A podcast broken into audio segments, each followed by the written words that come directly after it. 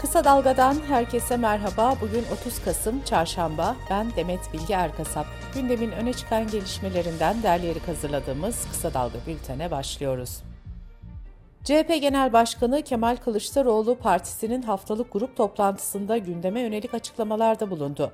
Kılıçdaroğlu Millet İttifakı'nın Cumhurbaşkanı adayı ile ilgili bazı köşe yazarları 200'ün üzerinde yazı yazdı adayınız kim diye. Yalvarıyorlar, zavallı durumdalar dedi. Kılıçdaroğlu 2023 seçimleri içinde CHP adaya değil güç birliğine oy isteyecek diye konuştu.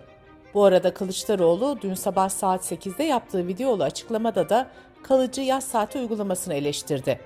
CHP lideri gerçekten de bu bir trajedi, bunu hemen ve mutlaka düzelteceğiz ifadelerini kullandı.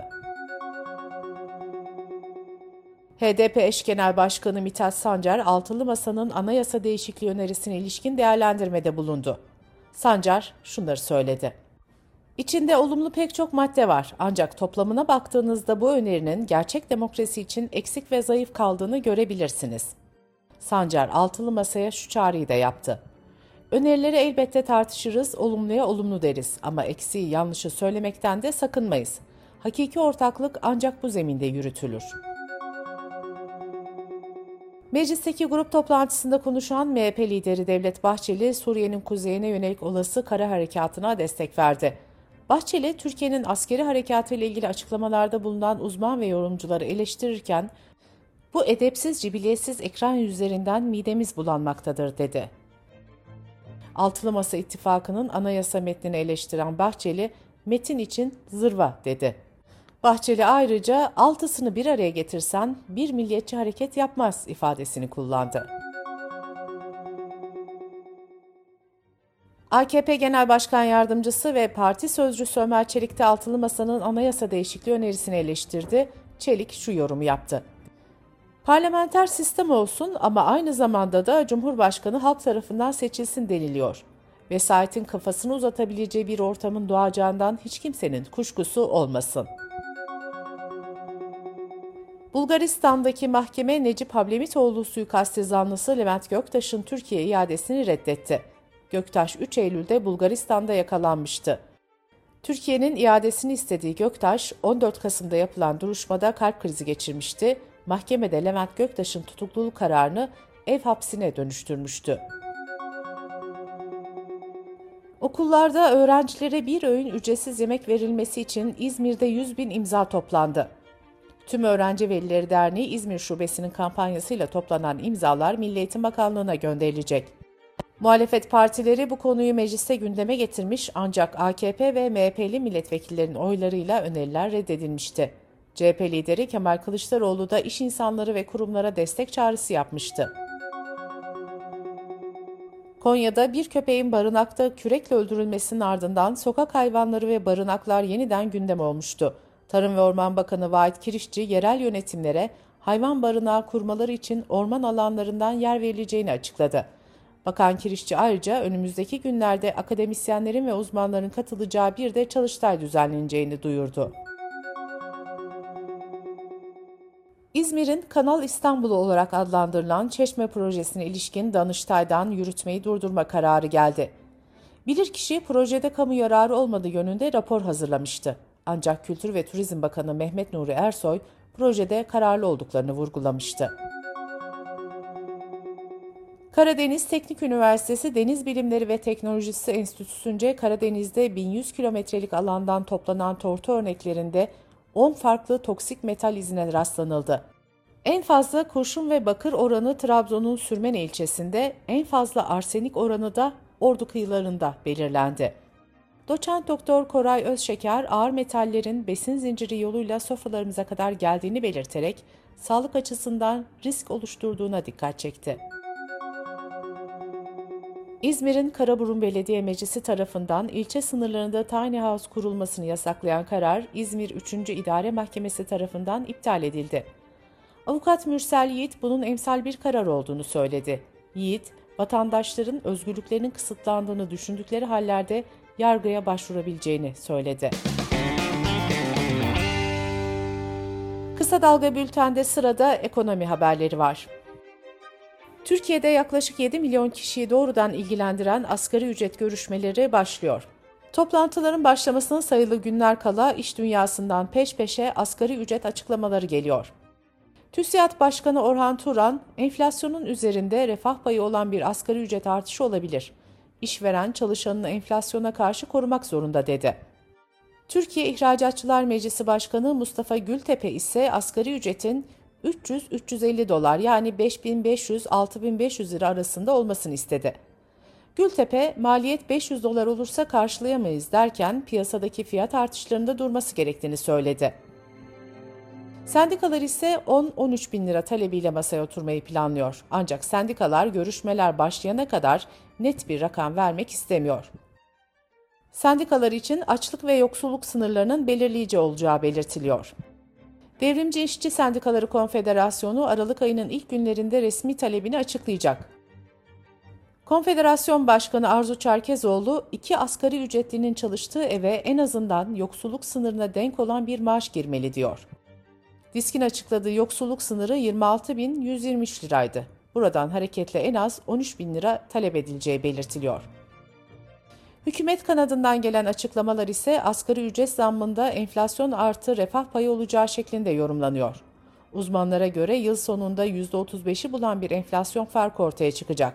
Asgari ücrete %40 veya %45 oranında zam gelebileceği belirtiliyor.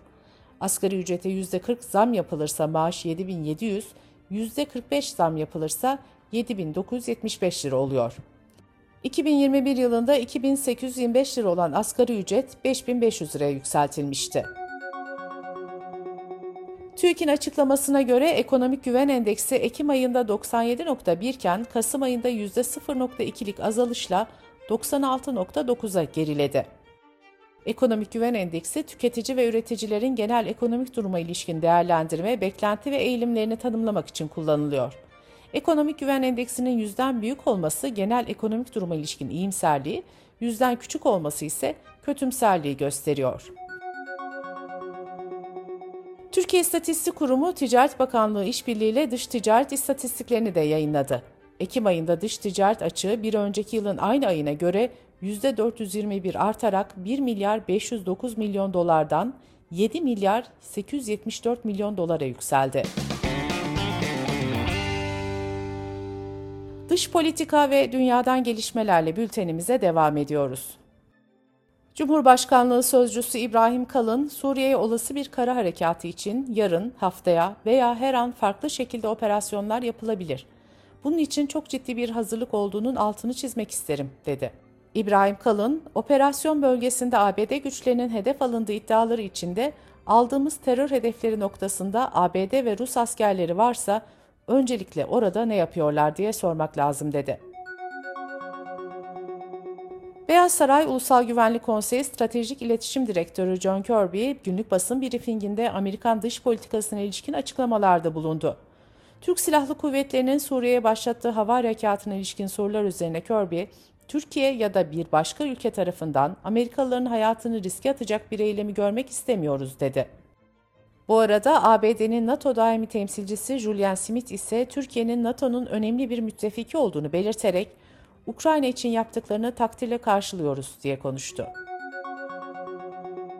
Avrupa Birliği, Ukrayna işgali sonrası Rusya'ya karşı aldığı yaptırım kararlarını delen kişi, kuruluş ve ülkelere karşı önlem alma üzerinde anlaştı. Kararla birlikte AB yaptırımlarını delen üçüncü ülkeler bu ülkelerin vatandaşları ya da kurumları da yaptırıma maruz kalabilecek. Cumhurbaşkanı Recep Tayyip Erdoğan'ın 20 Kasım'da Katar'da Mısır Cumhurbaşkanı Sisi ile el sıkışması Türkiye ile Mısır'ın ilişkilerinde 9 yıllık küslüğün sona ermesi olarak nitelendirilmişti. Dışişleri Bakanı Mevlüt Çavuşoğlu da Mısır'a büyükelçi atanabileceğini belirtti. İran'da Mahsa Amini'nin ahlak polisi tarafından katledilmesinin ardından patlak veren protestolarda güvenlik güçlerinin kullandığı şiddetin oranı artıyor. İran Devrim Muhafızları Ordusu komutanlarından Hacızade, güvenlik güçlerinin de aralarında olduğu 300'den fazla kişinin öldüğünü belirtti. Hacızade, düşmanı tanıtamadığımız için bu iki ayda 300'den fazla insan öldürüldü veya şehit oldu dedi. İnsan hakları aktivistleri Haber Ajansı adlı web sitesine göre ise protestolarda şimdiye kadar en az 451 kişi hayatını kaybetti. Çin'deki Covid-19 protestoları büyüyerek devam ederken eylemlerin sembolü üzerinde hiçbir şey yazmayan boş kağıtlar oldu. Boş kağıt kullanımı 2020 Hong Kong eylemlerine dayanıyor. O dönemde Hong Kong'un güvenlik yasalarına karşı çıkan eylemciler, sloganların yasaklanması üzerine eylemlere ellerindeki boş kağıtlarla gelmişti. Almanya Başbakanı Scholz, Sosyal Demokrat Parti'nin Alman vatandaşlığına geçişin kolaylaştırılması ve çifte vatandaşlığın önünün açılmasını öngören reform planını savundu. Yasa tasarısına göre Alman vatandaşlığına başvuru için ülkede ikamet edilmesi gereken süre 8 yıldan 5 yıla indiriliyor. Reformun en önemli maddelerinden biri de milyonlarca Türk'ün Alman vatandaşlığına geçmesini engelleyen çifte vatandaşlık önündeki engellerin kaldırılması oldu. Türk vatandaşlarının şimdiye kadar Türk ya da Alman vatandaşları arasında seçim yapması, Alman vatandaşlığına geçebilmek için Türk vatandaşlığından çıkması gerekiyordu. Fransa'da Adalet Bakanlığı Kasım ayında cezaevi yoğunluğunun %127'ye ulaştığını belirterek 60.700 kapasiteli hapishanelerde 72.809 mahkumun bulunduğunu açıkladı. Avrupa İnsan Hakları Mahkemesi 2020 yılında hapishane koşulları nedeniyle Fransa'yı manevi tazminata mahkum etmiş ve uyarmıştı. Londra merkezli haftalık haber Uluslararası İlişkiler ve Ekonomi dergisi The Economist 2023'e ilişkin öngörüleri yayınladı. Her yıl geleceğe ilişkin yaptığı analiz ve tahminlerle ön plana çıkan derginin öngörüleri şöyle. Ukrayna'da işin çıkmaza girmesi en olası sonuç gibi görünüyor. Merkez bankaları faizleri yükselttikçe büyük ekonomiler resesyona girecek. Amerika'nın durgunluğu nispeten hafif, Avrupa'nınki ise acımasız olacak. Nisan ayında Hindistan'ın nüfusu yaklaşık 1.43 milyarla Çin'in nüfusunu geçecek. Daha yavaş bir büyüme Çin ekonomisinin asla Amerika'yı geçemeyeceği anlamına gelebilir. Rusya, Ukrayna'daki savaşa odaklandığı için başka yerlerde çatışma riski artıyor. Çin, Tayvan konusunda harekete geçebilir. Hindistan-Çin gerilimi artabilir. Ege'de Türkiye-Yunanistan gerilimi sonrası Türkiye'nin bir müdahalesi söz konusu olabilir. Bültenimizi kısa dalgadan bir öneriyle bitiriyoruz. Türkiye'de milyonlarca çalışanın gözü kulağı önümüzdeki günlerde asgari ücret tespit komisyonunda olacak. Gazeteci Rengin Arslan'ın asgari ücret daha adil bir şekilde nasıl belirlenebilir sorusuna yanıt aradığı podcast'ini kısa dalga.net adresimizden ve podcast platformlarından dinleyebilirsiniz. Gözünüz kulağınız bizde olsun. Kısa Dalga Medya.